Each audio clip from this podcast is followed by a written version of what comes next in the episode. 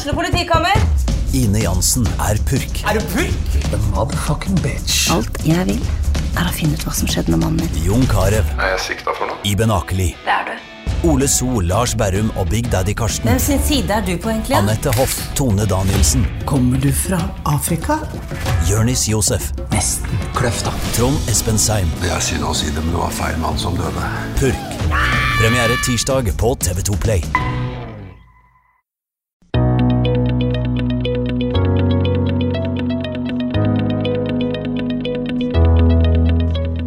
Fjor var det 21 000 nye ekteskap i Norge.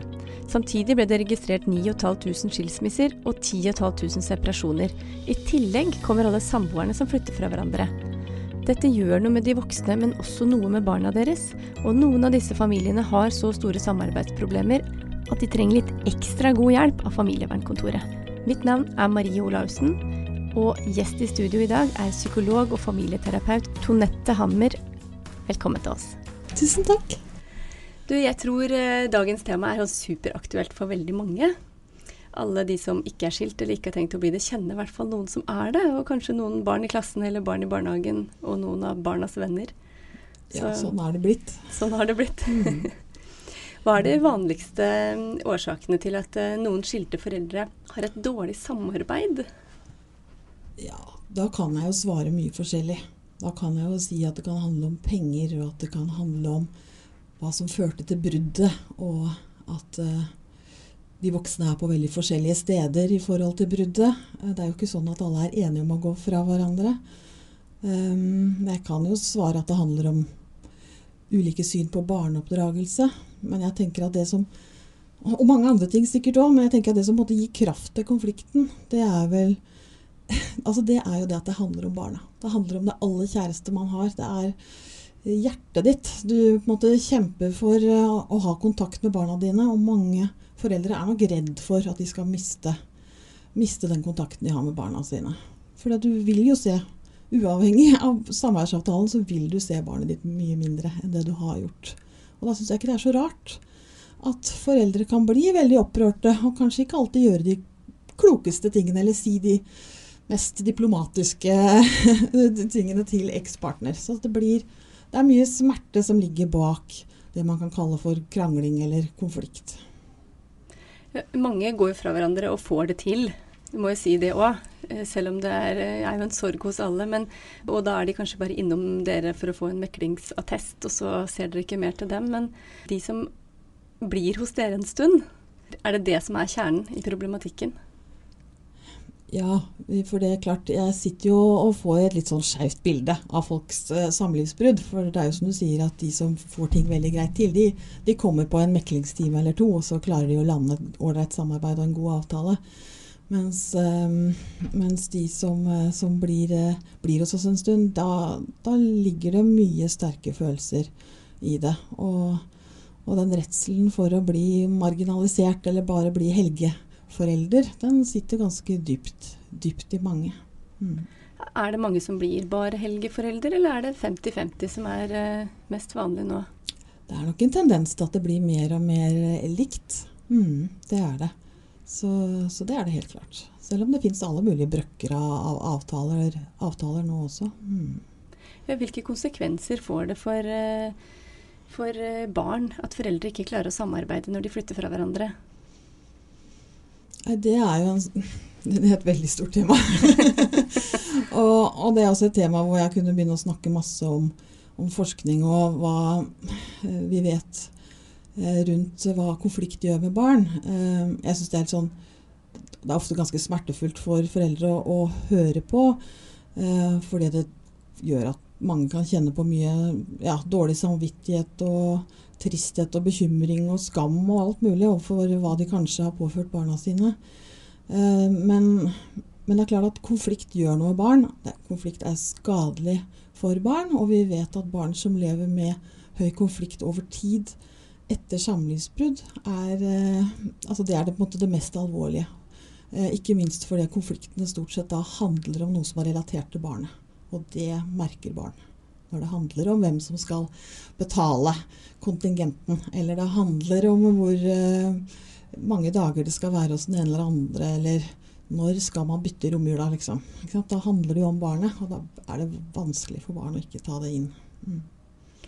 Eh, men uh, hva skjer med barna når de voksne ikke klarer å um, skjule at de er så sinte på hverandre, eller kanskje de er veldig såre og lei seg, og um, at det blir mye følelser utenpå, da?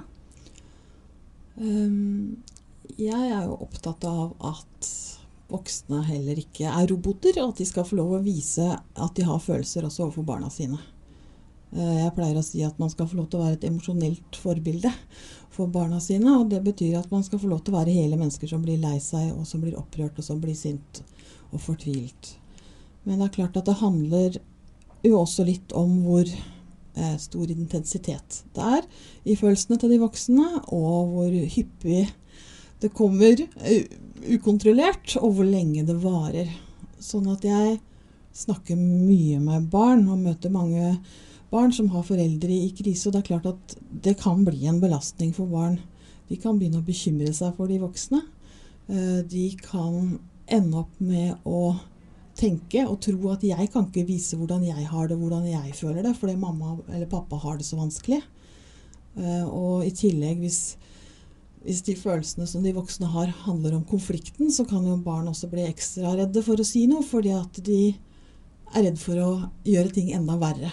Sånn at barn jeg møter som har foreldre som sliter ordentlig med foreldresamarbeidet, de kan av og til miste stemmen sin litt. Fordi de er redd for å gjøre det verre. Og da blir jo barn ganske ensomme i det.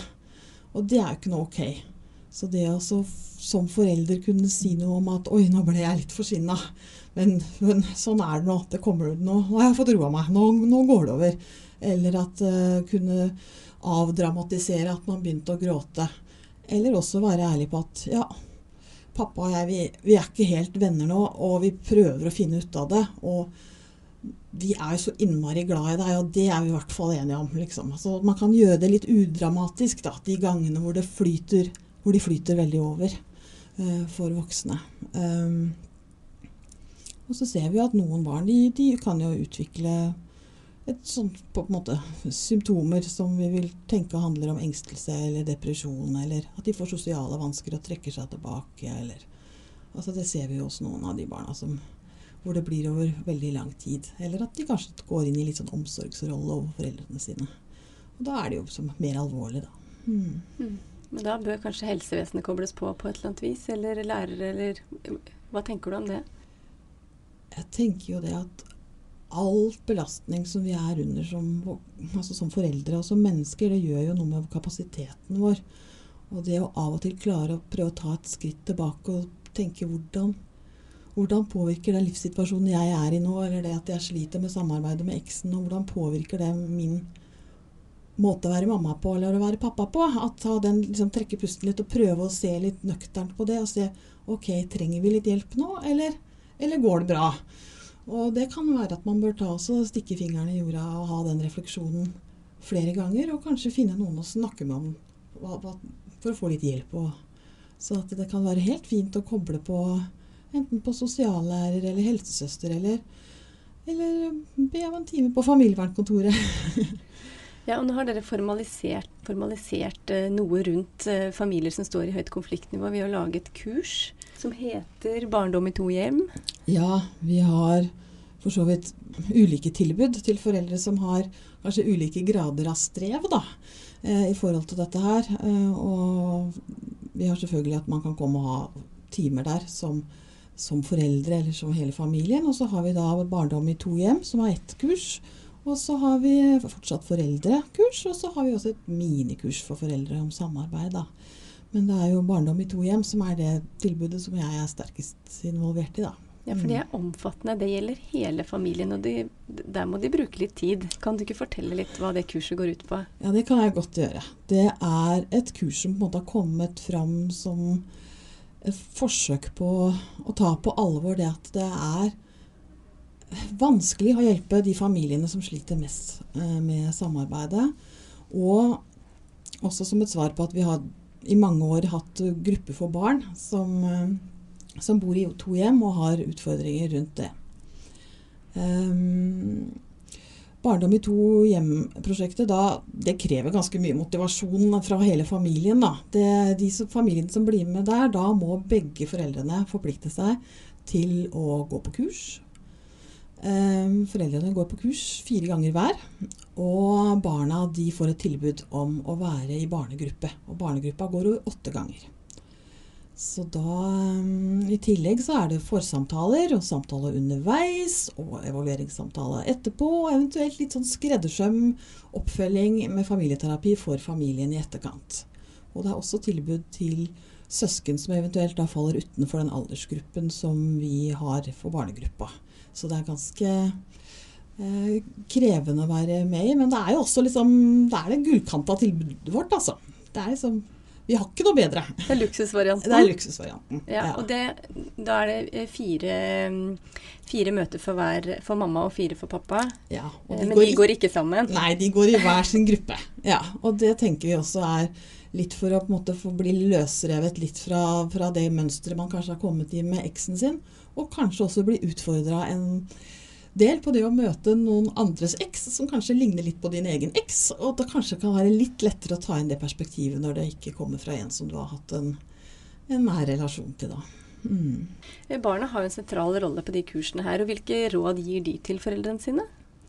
Ja, de gir så mye kloke råd at det kunne jo vært en hel podkast i seg selv.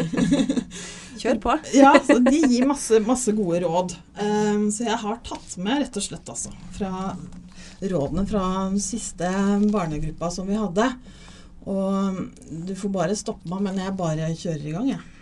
De sier ting som at eh, 'hør på meg', og 'hør hva jeg har å si'. De sier 'kontroller sinnet ditt'.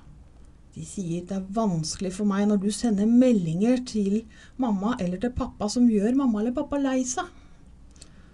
De sier noe om at det er vanskelig for meg når du er veldig lei deg foran meg. Og de ber foreldrene om å tenke på hvordan de snakker om mammaen og pappaen til barnet. Og eh, de sier at 'jeg liker ikke når du prøver å kontrollere meldingene mine'. De er private, så mobil er ganske stort tema, altså. Og de sier òg at eh, 'jeg liker ikke at det at dere ikke er kjærester lenger, skal gå utover meg'. Og de ber om å få lov til å bli latt være i fred når de ber om det. Og de sier ting som at uh, 'Jeg vil snakke med mamma eller pappa uten at den andre lytter'. Sånn på telefonen igjen, da. Ikke sant? Og du skal ikke snakke stygt om mammaen min eller om pappaen min. De vil også gjerne at foreldre kanskje skal spørre dem om hvor mange meldinger er det ok å få fra den forelderen man ikke er hos, om dagen og i uka, liksom. Og noen sier at det er ganske slitsomt hvis du sender mange sånn 'savner deg'-meldinger når jeg er Og da kan jeg legge til et lite råd for min egen del. Da, at det å skrive 'jeg savner deg', det er ganske tungt for barn. Så kan du kanskje uttrykke det samme med å si 'jeg gleder meg til du kommer'. Men da får barnet et ganske annet bilde, tenker jeg da. Eh, barna sier òg at eh, kan du, sende, du kan bare sende viktige og nyttige meldinger til meg. Og så ikke lag så store krav til hva du tenker jeg skal få til. Jeg vil at du skal være rettferdig. Og jeg vil at du skal være mindre på mobilen når vi er sammen. Se på meg, ikke på telefonen. Jeg vil ikke være postkasse for beskjeder mellom dere. Og jeg har lyst til at vi av og til kan finne på noe alle sammen, som når vi var en hel familie. Og jeg vil at du skal minne meg på at jeg kan ringe til mamma eller pappa når jeg er hos deg. Og jeg vil at du skal gi beskjed til meg hvis mamma eller pappa har ringt når jeg er hos deg. Og ikke ta fra meg telefonen min. Så det er noen av rådene som kom på sist barnegruppe. Og jeg syns det var veldig mye kloke råd fra de barna. altså. Og veldig konkret og veldig ja. håndfast. Hva sier foreldre når de får sånne det, det treffer jo i magen, det her.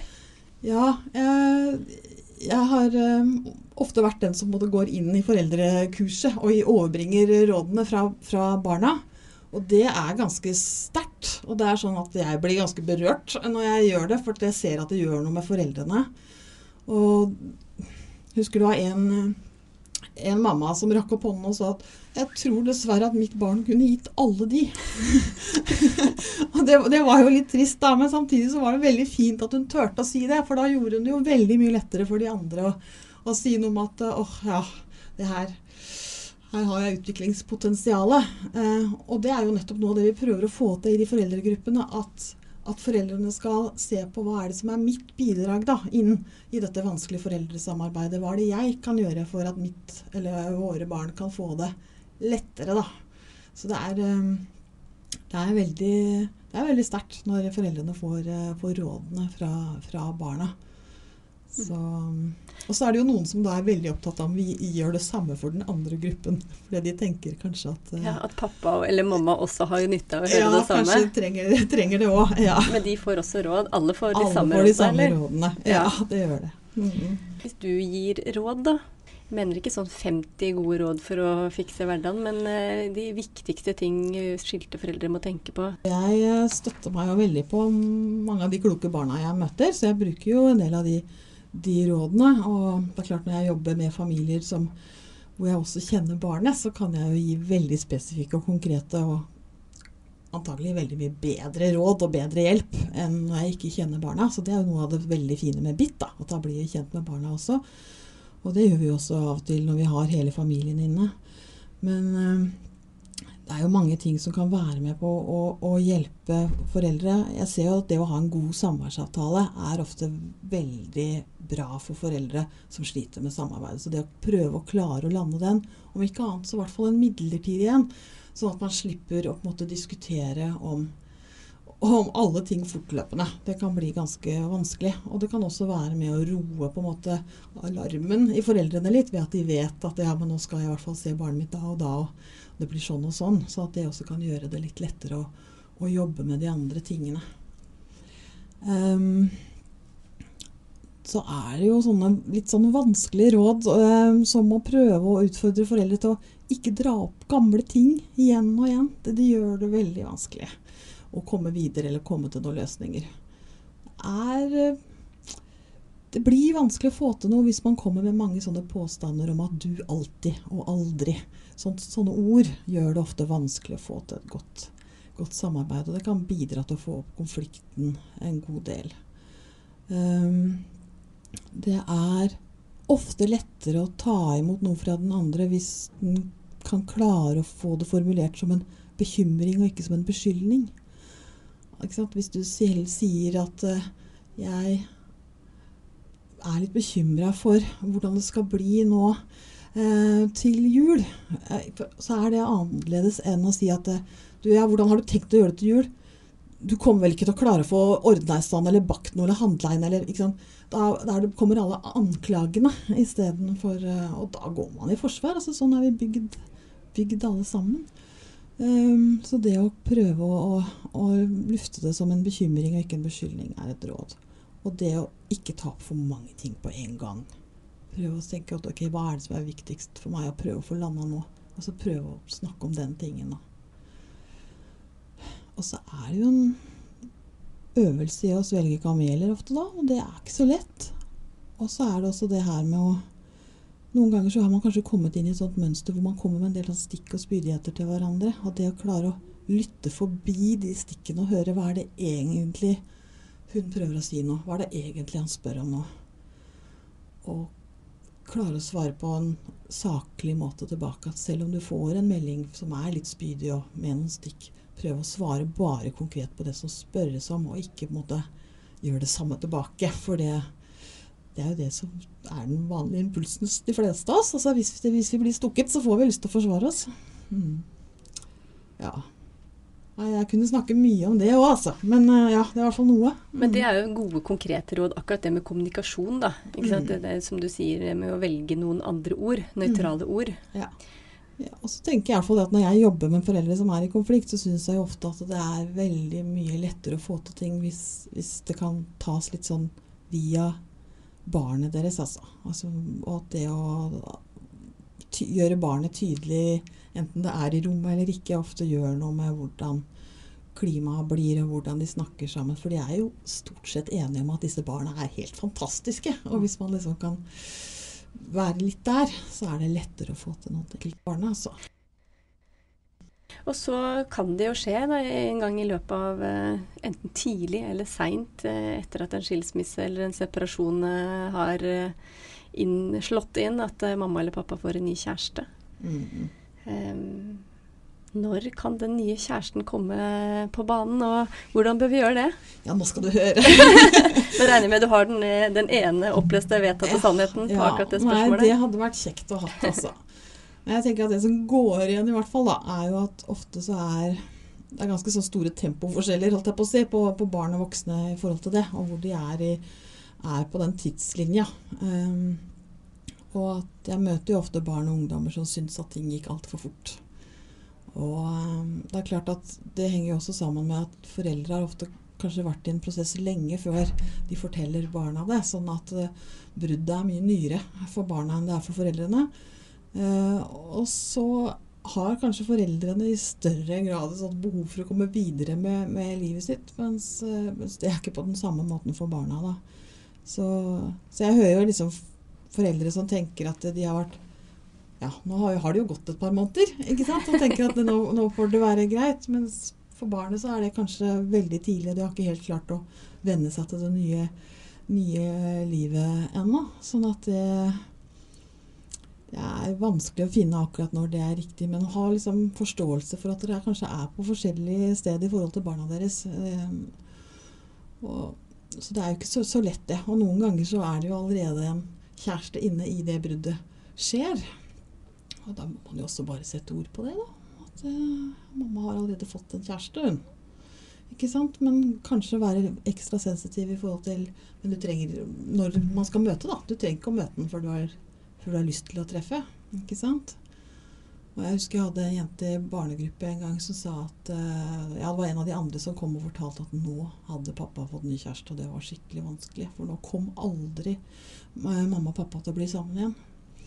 Og så var det annen, denne jenta som da hadde hatt en, hatt en, pappa som hadde hatt mange kjærester. Så spurte vi henne om hun hadde noe råd da, som du kan gi, sånn at han kan håndtere dette her bedre. Og da sa hun et litt sånn trist råd som var at ja, ikke bli for glad i henne. Det er ikke sikkert det varer. sånn at det er noe å ha litt respekt for at uh, barn de knytter seg til voksne. Uh, og, og at det å Eh, ja, få for mange sånne relasjonsbrudd da, med nye mennesker som man også blir glad i, ja, det kan jo gjøre at det blir enda vanskeligere og mer krevende å bo i, bo i to hjem. da. Samtidig så er det jo også mange som er opptatt av at mamma og pappa skal få en kjæreste. Særlig hvis den ene har fått. For da må det liksom, igjen, det må være litt rettferdig. Mm. Og så slipper man kanskje å bekymre seg for at å, nå blir pappa så lei seg fordi mamma har fått ny kjæreste. Da, da, er det bedre at han òg får kjæreste, sånn at han ikke er aleine når jeg ikke er der. Mm. Jeg forteller gjerne litt om hva vi gjør i barnegruppa. Fortell gjerne hva dere gjør i barnegruppa. ja. Jeg er en av uh, barneterapeutene, og um, det er jo bare den beste biten av jobben min å jobbe i barnegruppe. Det er jo helt fantastisk å møte de barna. og det er et eller annet sånn magisk med å jobbe med barn. fordi at altså Når du jobber med barn, så jobber du forebyggende. Og det er så eh, fantastisk. Og så møter du disse ungene som kommer der og ikke kjenner hverandre. Og så gjør det noe med dem vet du, når de kommer der og møter noen andre som har det litt sånn som dem. Og vi sier alltid til de barna at dere har noe felles. Dere bor i to hjem, og dere har alle en mamma og pappa som syns det er vanskelig å samarbeide. Og det sier vi for at vi har lyst til å gi ansvaret til de voksne. Og det er litt sånn viktig. Og så har vi ulike måter vi jobber med barn i barnegruppa på for å styrke dem og vitalisere dem, og for å gjøre dem mer bevisst på følelsene sine, og for å bearbeide eh, det de kanskje har vært igjennom. Så vi gjør jo en del ting som kanskje kan se litt ut som eh, en sånn mellomting mellom gym og forming. Men det er, det er helt klart eh, terapeutisk forankra. Og noen ganger så blir det veldig sterke uttrykk. Sånn som når vi jobber med skalering, og barna skal bevege seg i rommet, og de skal stille seg på en linje liksom fra én til ti og si noe om hvordan har du det inni deg nå, hvor, hvor er du? Og de går litt frem og tilbake og kjenner hvordan er, er det å være meg akkurat nå. Og når da en av barna sier at 'jeg trenger en drill', og vi spør hvorfor trenger du en drill? Jo, fordi at denne skalaen går ikke langt nok. Jeg er på minus 1000, jeg må bore hull i veggen. Det blir ganske sterkt. Um, og eller når vi jobber med det å måtte bevisstgjøre nettverket. og De, liksom, de tegner rundt kroppene til hverandre, så skal de sette hjertet på kroppen for alle de måte er glad i, eller som de har i sitt hjerte.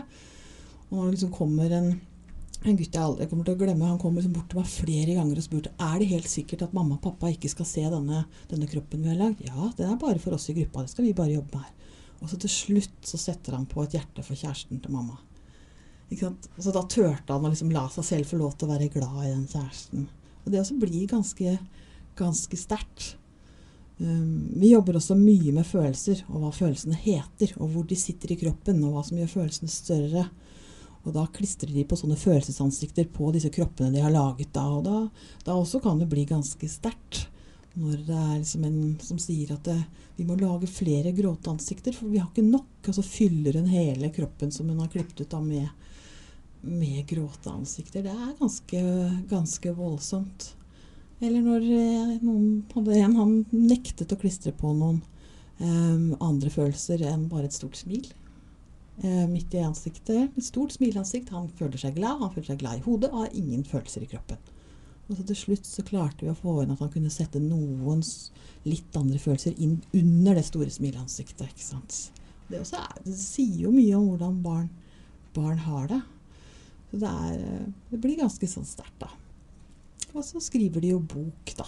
Sånn, vi har en sånn narrativ tilnærming, som vi kaller det, for at barna kan dikte historier basert på noen tegninger som vi har, som vi viser. Og vi bare, vi bare spør dem om hva skjer her. Og så dikter de felles samdiktning, da hvor de da blir forfattere, og de får bearbeidet en del av sitt egen historie. og det også er veldig fint, og de blir veldig sånn stolte av at de har gjort dette her. Um, det blir også veldig sterkt ofte for foreldrene. For den boka får foreldrene lov å lese. Det er ganske rørende. Hmm. Ja, det er i hvert fall litt om det vi gjør i barnegruppa. Uh, jo, jeg har lyst til å fortelle om én ting til vi gjør, og det er at vi maler masker. Og da ber vi barna om å male på utsiden hvordan de tenker at de blir oppfattet utenfra, og så på innsiden hvordan de har det inni. Og da også kommer det ganske mye sånne overraskende ting.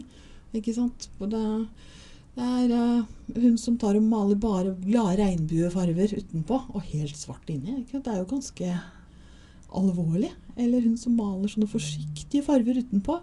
Og så inni er det skikkelig knæsje farger. For jeg er ikke fullt så lei meg som mamma og pappa tror. liksom? Det, det, er, det, er, mye som kommer ut, og det er veldig veldig fint. altså. Ja. Mm.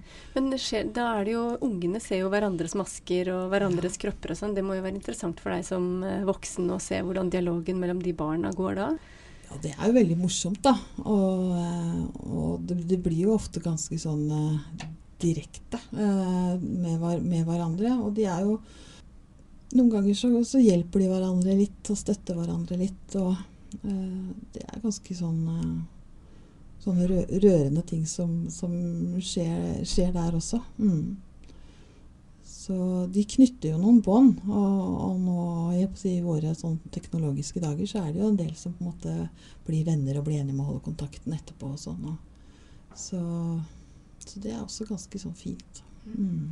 Hvordan går det med de familiene som er med på kurs hos dere? Eh, vi har sett litt på det. Akkurat den, altså den kombinasjonen med, som er så omfattende som det med barn, barndom i to hjem-prosjektet, det har vi bare hatt eh, tre ganger. Da, men vi har gått gjennom de familiene, og uh, det er klart det er alltid litt sånn farlig å si noe, for det.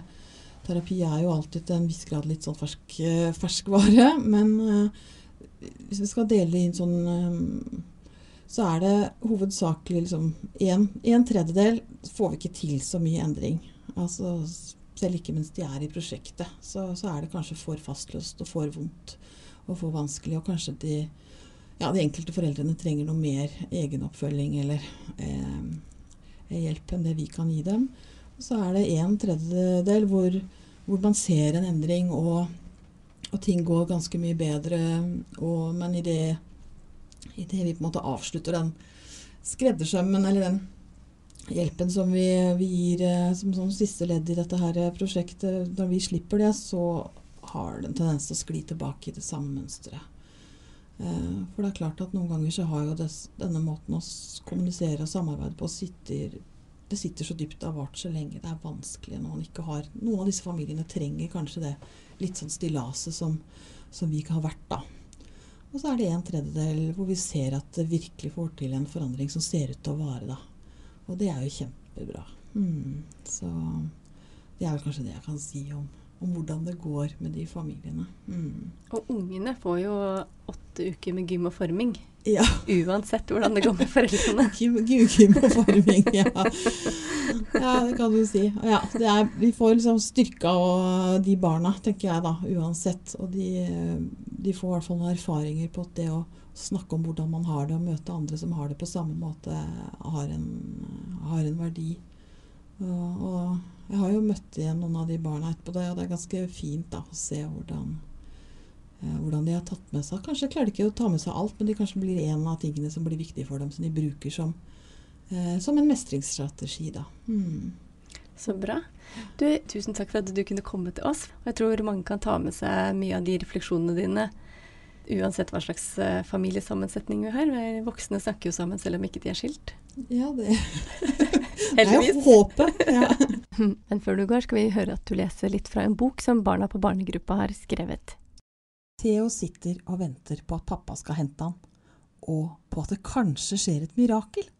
Et mirakel, sånn at mamma kommer ut for å snakke sammen med pappa. Eller at hun i hvert fall sier hei Kanskje jeg kunne gjort noe så de ikke krangler sånn, tenker Theo. Han skulle ønske at mamma og pappa kunne ta en kaffe sammen. Foreldre liker jo kaffe. Så kunne de ta en kopp te, og så kunne de ta både kaffe og te, og så etter hvert kunne de bli venner igjen. Apen vil gi Theo en kos, så kan de to snakke sammen. Theo tenker at de trenger hjelp. At han skal si fra til noen. Foreldre til venner, helsesøster eller kanskje familievernkontoret. Theo hadde trengt at mamma og pappa ble venner igjen. Han hadde trengt at de snakket sammen og ble enige. Han hadde trengt at de valgte å gjøre det bedre for Theo. Han hadde trengt at de snakket sammen uten å krangle. Han hadde trengt at de hadde fått hjelp. Eller hva hvis han tente et lys og lot det falle ned så det begynte å brenne? For da kan man ringe et nødnummer, og da kommer brannvesenet.